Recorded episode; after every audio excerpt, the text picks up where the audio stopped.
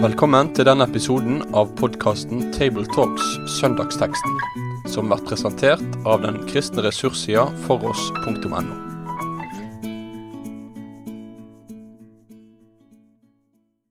Hjertelig velkommen til en eh, ny episode av uh, Tabletalks, som er en podkast der vi snakker om søndagens tekst.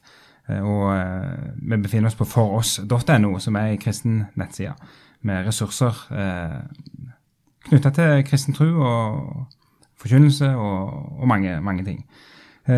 I dagens episode av Tabletalks så skal vi snakke om det som er teksten for 2. juni, søndag før pinse. Vi skal lese sammen fra Johannes 16 og snakke om, om den teksten. Eh, vi befinner oss eh, i kirkeåret fremdeles i påsketida på dette tidspunktet. Eh, 2. juni. Vi feirer oppstandelsen ennå, og påskens budskap, og vi teller liksom ned fram mot pinse. Pinse er sju uker etter påske, og eh, 2. juni så er jo seks av ukene unnagjort. Eh, og vi begynner for alvor å rette oss inn imot pinsefesten og budskapet om at Helligånd kom til menigheten og til, til, til Guds folk. Eh, jødene på Jesu tid de feirte òg pinse. Det gjorde de til minne både om Sinai og loven som ble gitt, eh, og de gjorde det òg som en høgtid der de gleda seg over innhøstingen og over all velsignelse som de fikk fra marka. Eh, og vi feirer pinse til minne om Den hellige ånd, til minne om innhøstingen som Den hellige ånd gir, og ikke minst det, det åpenbaringsordet som òg Den hellige ånd har, har hjulpet apostlene til å gi oss. Så det er stor, stor høytid og en flott tekst som vi skal, skal jobbe med å lese og snakke sammen om i dag. Eh, sammen med meg, jeg er Knut Kåre Kirkholm, så har jeg Toril Slottsveen Asp. Og Sverre Bø. Og så skal Toril få gleden av å lese teksten for oss nå. Da leser vi fra Johannes 16, vers 12-15. Ennå har jeg mye å si dere, men dere kan ikke bære det nå. Men når sannhetens ånd kommer, skal han veilede dere til hele sannheten. For han skal ikke tale ut fra seg selv, men si det han hører og gjøre kjent for dere det som skal komme. Han skal herliggjøre meg, for han skal ta av det som er mitt, og forkynne det for dere. Alt det som min far har, er mitt. Derfor sa jeg at han skal ta av det som er mitt, og forkynne det for dere. Takk. Eh, dette er altså fra Jesu avskjedstale Vi med på skjærtorsdag. Eh, og Jesus har jo allerede snakket om at han skal vekk, gå vekk. Han skal dø. Han skal bli tatt fra dem. Eh, men han sier òg at det skal være til gode for dem, for han skal sende en annen. Blir talsmannen. Og her er vi jo inne i en djup undervisning om Den hellige ånd. Og vet ikke dere har vel noen betraktninger om, om, om det som en viktig inngang i denne teksten? Jeg syns bare starten, før vi går inn på det, syns mm. starten er litt spennende når Jesus tar den på vår tekst, da, selv om det er midt inne i Jesu tale, mm. så er det ennå har jeg mye å si dere, men mm. dere kan ikke bære det nå. Eh, og kanskje kan han si det til oss så lenge vi lever, så lenge Kirken er til, fordi at det er slike dybder av um, i Guds verden og hos Jesus at vi vil aldri liksom ha skjønt det og er ferdig. Det er alltid mer, alltid dypere. Så det er akkurat som man åpner en dør, så vi får et glimt inn i, og så ser vi ikke helt alt som er der enda, men derfra skal det hentes det som skal gi oss mm. noe å leve videre på. Enkeltvis og i kirken. Ja, Det er et spennende perspektiv, for uh, like før så har Jesus også sagt at nå har jeg fortalt dere disse tingene på forhånd for at dere skal tro det når det skjer. Så han sa det også ting om endetid, f.eks som det er veldig vanskelig liksom få ordentlig grep på. Men det er ikke for at vi skal være verdensmestere på forhånd i alt som skal skje. Men når det virkelig trengs, så skal det kaste lys over den situasjonen vi er i. Har sagt det på forhånd. Og det er jo litt småmorsomt å tenke på at dette er eh, kanskje den nest lengste talen i hele Nytestamentet. Bergprekenen, også Jesu avskjedstale. Og etter å ha talt og talt og talt og talt i kapittel 13 og 14 og 15 og nå i 16, og så kommer hele den ypperste prestelige bønn, så sier han dette var jo bare en liten begynnelse, jeg har mye mer å si. Men jeg forstår at nå orker dere ikke mer. Nå makter dere ikke å bære mer. Så det får jo en vekt. Gjennom hele Johannes-evangeliet har Jesus sagt at 'min time er ennå ikke kommet'. Nei, ikke enda er den kommet. Nei, ikke enda. Og så, rett før påske, så sier han 'nå er timen kommet'. Så det spisser seg, det snører seg til, nettet strammer seg til rundt Jesus og disiplene. Og da får det litt vekt med en sånn avskjedstale. Og så er det jo Ånden som han eh, nå skal eh, Eller ikke skal, han har allerede kommet godt i gang med undervisning om, om denne her mm, og talsmannen, den der parakletos, som det også står på, på gresk. Og, og litt sånn Hvem er dette her for en fyr som skal komme? Og, og det er jo veldig spennende, eh, bare for å ta en liten sånn en eh, kjapp eh, eh, læremessig sak, at, eh, at på gresk så er jo ånden et interkjønnsord, og, men, men her står det jo virkelig det står med betoning 'han'.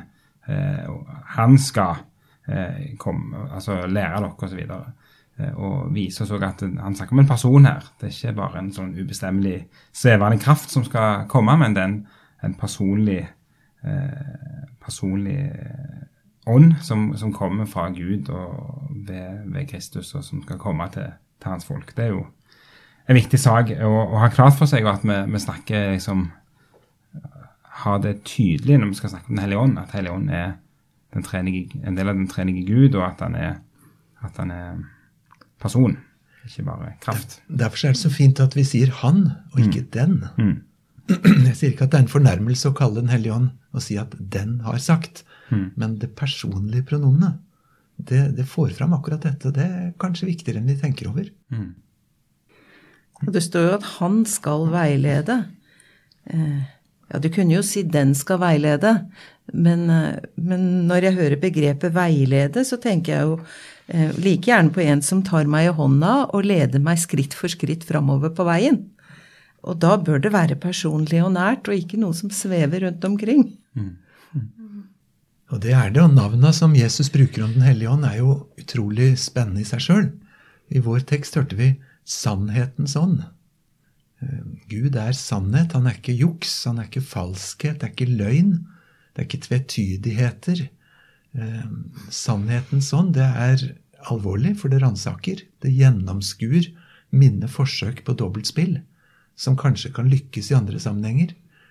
Men han er sannhetens ånd. Han er ikke manipulerende. Han tvinger ikke enda han er allmektig. Um, og han skaper sannhet. Han rydder bort mørket, sånn at ting framstår i sitt rette lys. Så det er et veldig lærerikt begrep Jesus bruker. Men så er han også denne talsmannen. Han tilkalte. Eh, Noen sier trøsteren, assistenten. Bokstavelig oversatt til latin så blir det advocatus. Og noen har spilt videre på det og laga en sånn liten jusgreie av at han er advokaten min. Eh, Men da er han jo både forsvarsadvokat og faktisk også aktor. Ja. Mm. Han er anklageren som anklager meg for min synd, eh, om dommen, om rettferdigheten, som det står i versene foran. Så han er ikke ufarlig, men han vil veilede til det gode målet. Til det som gir liv, og som gir frelse, og som gjør Jesus herlig. Så han er sånn sett ikke farlig, for han vil meg til et godt sted. Men han er ikke ufarlig, som om jeg upåvirket liksom bare kan legge han på toppen av alle gode ting. Det er jo et viktig poeng. Altså, det er jo fem, eh, i alle fall fem klare sånne eh, man kan identifisere der han særlig snakker om talsmannen. Og da, da er det jo et poeng, altså nettopp det du sa fra vers 7, rett før vår tekst, at uh, han er aktor. Han er den som òg påpeker. Uh, og så kan vi bare ta med oss de andre òg, at han i, i 14-16 så, så gjøres det et poeng av, av at han skal være sammen med dem. Så han er nærværende. Og da har vi jo en, den tilkalte eh, som er nær. Og disiplene skal ikke være foreldreløse, men de skal, skal ha en som kommer. Eh, og så har vi læreren i 1426 som skal lære dem alle ting. Minne dem om, om eh, Jesu ord. Og så har du vitnet i 1526, han som skal vitne om, eh, om, om Jesus. Så det er sånn stilig. Han, har mange roller. Han er liksom den nære, vitnet, læreren, trøsteren, advokaten. altså ja, Utfattelig sånn, brei og fin, eh, fin lære om, om ånden som uh, kommer fram her i disse her uh, små vers og utsagnene fra Jesus. Og så tenker jeg på et ord som du ikke sa nå, men det er jo livgiver. Mm. Eh, og jeg tenker på hvordan ånden, den som han snakker om her, at de skal få, har jo vært til stede helt fra eh, Bibelens første blad som livgiver. Mm. Jeg tenker da, da det står at ånden svevde over vannene, så kan jo det begrepet også bety ruge. Og når det ruges, så blir det liv. Og han blåste jo sin ånd inn i menneskets kropp, og så ble det til en levende sjel. Så der ånden er, der skapes det jo liv. Mm. Jeg fant et utsagn av Hallesby som jeg syns var veldig flott. Det er åndens oppgave å sette mennesker i livsforbindelse med den forherligede Frelseren. Nå kan det jo hende at eh, den livsforbindelsen også er avhengig av det du, Sverre, nevnte, med at det må være et oppgjør med synd, og det, det er ikke en sånn 'kom her og få det godt'. Eh, veien kan jo gå gjennom eh, både kamp og avstøring, og at jeg blir satt på rett plass. Men hensikten er å få meg inn i en dypere livsforbindelse med den forherligede Frelseren. Han skal herliggjøre meg. Det er jo et viktig poeng. Eh, i Jesu undervisning om ånden. At han skal herliggjøre Jesus. Og, det er så sant, men tenk for et paradoks. Når Jesus skal tråkkes på av alt og alle, ja. og bli den usleste som utleveres til hedninger, til fiender En avstemning, hva skal jeg gjøre med han? Korsfest ham. Hmm. Og så blir han et lekeobjekt for torturister. Og så makter han nesten ikke å bære korset sitt helt fram, og så henger han der og dør. Og alt dette har Jesus varslet. Så sier han det er min opphøyelse. Da skal de henge meg høyt, sånn som en korsfestet ble hengt en meter eller to over bakken. Opphøyelse. Han skal bli herliggjort. Det er jo et kjempeparadoks. I menneskers øyne så tråkka på, men der ligger herligheten hans. Så det må jo åpne øynene våre for å se noe annet mm. enn det en vanlig middelhavsborger gjorde når de så noen bli drept på et kors. Ja så er det jo det at det hele tiden er Jesus jeg holdt på å si, to steder. Han er i den himmelske virkeligheten og den jordiske virkeligheten samtidig. Så selv om han kjemper her med sin lidelse og smerte og nesten ikke orker mer, så har han jo også med seg den virkeligheten som er den fullkomne virkeligheten han kom fra og skal til. Så hans herlighet Han vet jo at når han skal herliggjøres, så sprenger det alle grensene for det vi kommer til å se. Og så kan vi også merke oss, eh, som jeg tror jo kan være relevant på en søndag som denne her, nettopp det, den der parallellen i, i høgtida, eh, pinsen, mellom feiringen av det som ble gitt på Sinai, som jo fikk vokste fram og ble altså Pinse er nok i, i Gamle testamentet så er pinse primært knytta til innhøstingen og gleden over avlingen og, og, og alt det gode i, fra landet. Men, men, du ser jo, særlig fram mot Jesu tid, så, så forbindes pinsen òg med, med, med, Sinai og, og, liksom åpenbaringen av ordet og loven osv. Og, og, og nettopp det at ånden eh, Han skal ta mitt og, eh, og, og, gi til dere. Han skal forkynne videre. altså Det er en sånn en Helt åpenbart at, at en har en gjerning knytta til, til, til forkynnelse av, av, Guds ord, og ikke minst til det å gi Guds ord til menigheten. Og det tenker jeg er jo òg en ting som kan være viktig eh, på en dag som dette, på en søndag som dette her, at vi òg eh, får sagt litt om åpenbaringen og, og, og, det at Ånden er, er den som har veileda eh, apostlene og til å skrive ned det som er skrevet ned for oss. Vi slipper å være blindebukk mer. Ja. Jeg husker Som barn så var det en sånn teit selskapslek som jeg aldri likte før jeg blir så fort bilsjuk. De bandt et eller annet for øynene på oss, og så snurra oss noen ganger rundt, så vi blei passe svimle. Og så skulle du liksom leke og finne fram til folk, eller i verste fall sette en uh, knappenål på et eller annet uh, stakkars esel-invitasjon. Men altså selve den opplevelsen av å være en blindebukk som ikke aner retning og famler i mørket Ikke lenger nå, sier Jesus. Nå skal dere få. Den hellige ånd kommer. Han skal veilede dere, han skal herliggjøre. Det blir lyst. Eh, Paulus bruker jo av dette bildet når han sier at du kan være så skriftlærer du vil i Gammeltestamentet, men før Den hellige ånd kommer, så er det et dekke for øynene. Og så ser du ikke Jesus.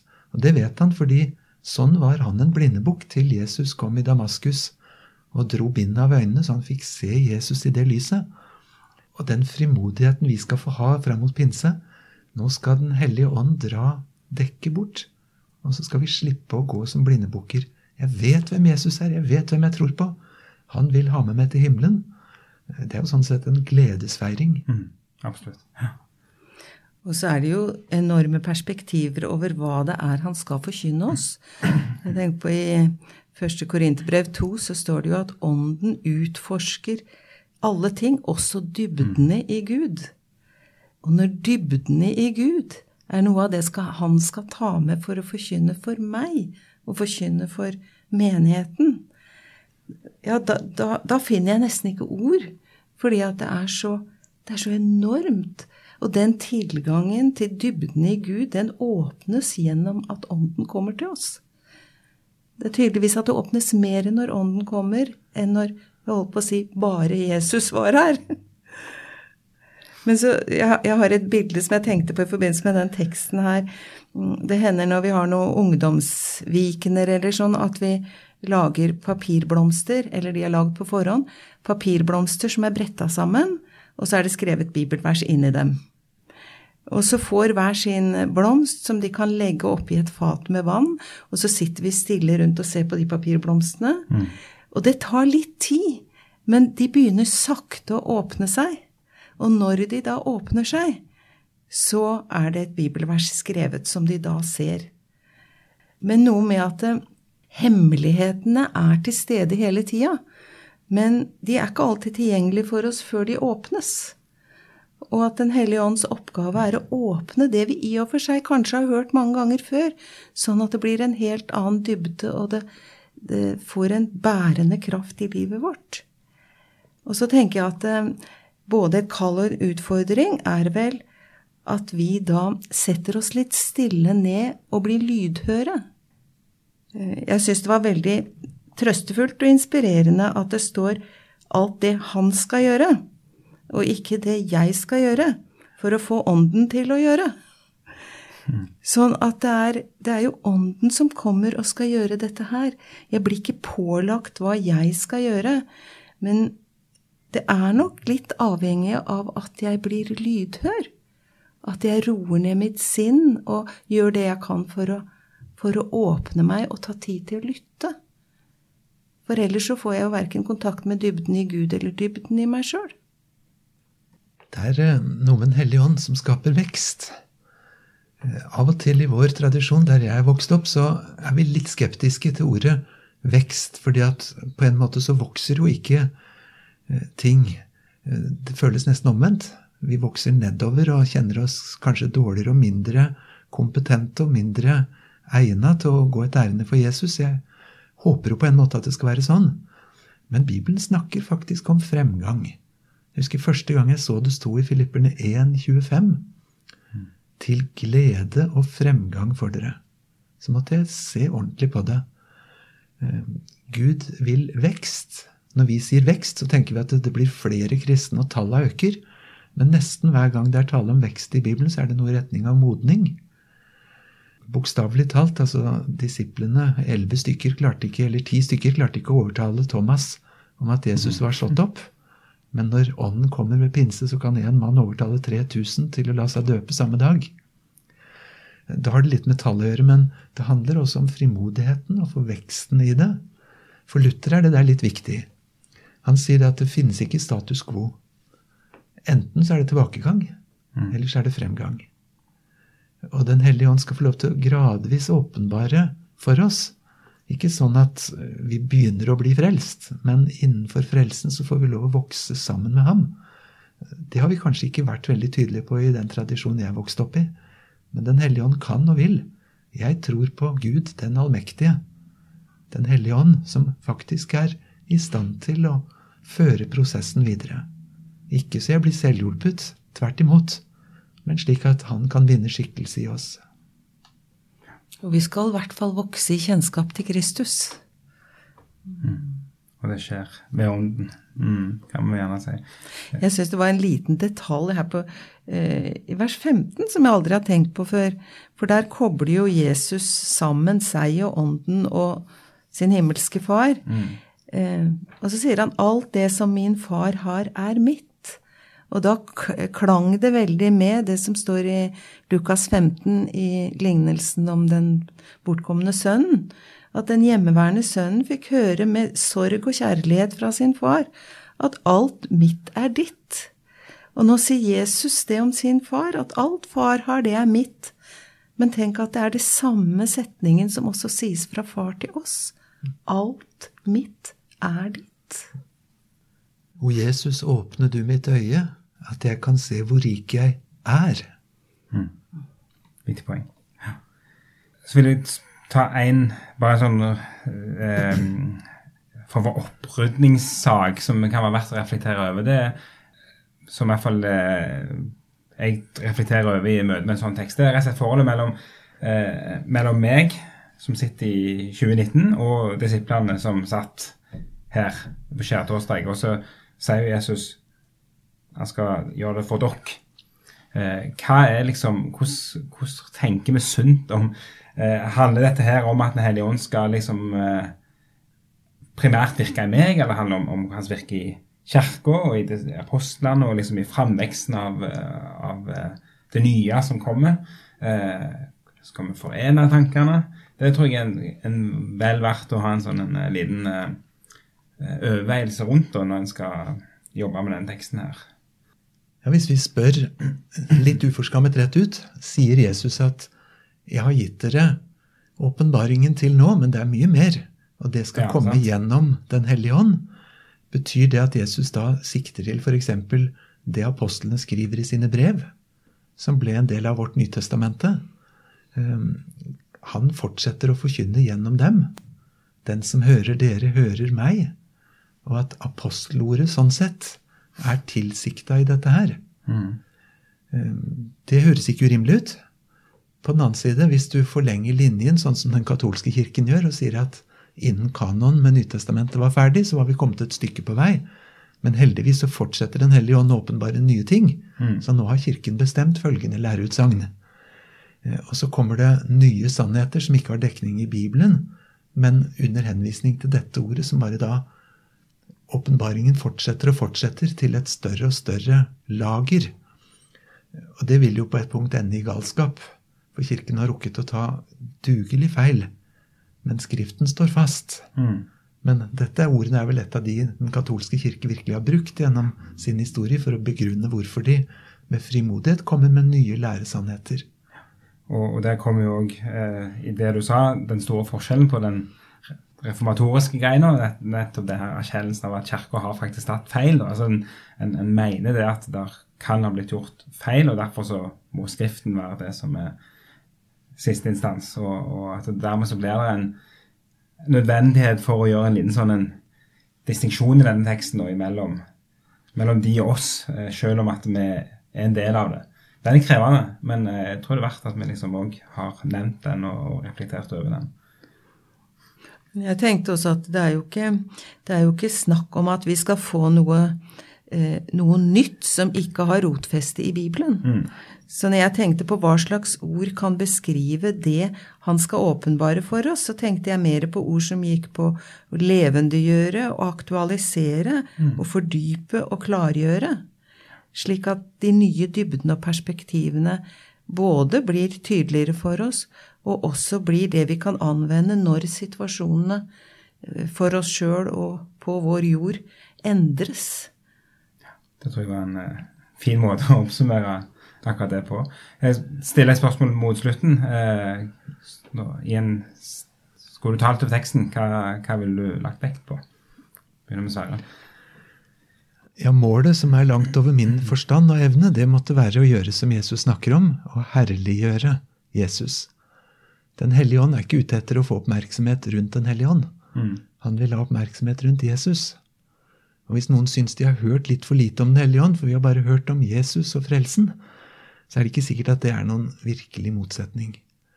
Og Målet for enhver forkynnelse, og egentlig hver gang vi møtes som kristne, det er jo at vi får se dypere inn i hvilken herlig frelse vi har hos Jesus. Sånn at den blir viktig for oss, og at den blir bestemmende. Eh, det er ikke noe quick fix på det der. Men Den hellige ånds fokus det er ikke på Den hellige ånd, men det er på Jesus. Og om vi bare kunne makte det samme. Mm. Jeg syns, syns det var eh, flott å gå inn i teksten og kjenne at den på en måte avlaster meg litt som troende. Fordi jeg faller ofte i en grøft hvor det er så mye som jeg burde og jeg skulle, og jeg må praktisere Guds ord, og jeg burde vært bedre kristen, og det er så mange ting som kan gjøre det tungt å tro. Og så forteller Jesus at han sender en hellig ånd, og han skal begynne å gjøre tingene. Det, det hviler på åndens åpenbaring. Og han har både godhet og kjærlighet og klarhet, og kan tilspisse det som um, ligger på Guds hjerte, inn i mitt liv og i min tjeneste. Så jeg syns det var mye uh, håp for å bli løfta opp og se framover, og at um, ansvaret ikke først og fremst ligger på meg. Mm. Fint. Veldig, veldig bra. Eh, til dere som lytter, så kan jeg òg bare informere om at eh, på foross.no så ligger det òg ut en skriftlig tekstgjennomgang av denne teksten. Og så er det ellers ganske mange ressurser knytta både til pinse, til Den hellige ånd, til Jesu avskjedstale, og kanskje vi kan også si til Bibelen og åpenbaringstenkning og sånne ting. Så det er mulighet for å bruke for oss til ganske mye fordypning eh, rundt denne her teksten og en del av den tematikken som, som reises i, i dagens tekst. Med det så vil vi takke for uh, dagens episode og ønske Guds velsignelse til både de som skal forkynne over teksten, og de som skal lytte til forkynnelse over denne teksten. Takk for nå. Med det sier vi takk for følget for denne gang. Finn flere ressurser, og vær gjerne med å støtte oss på foross.no.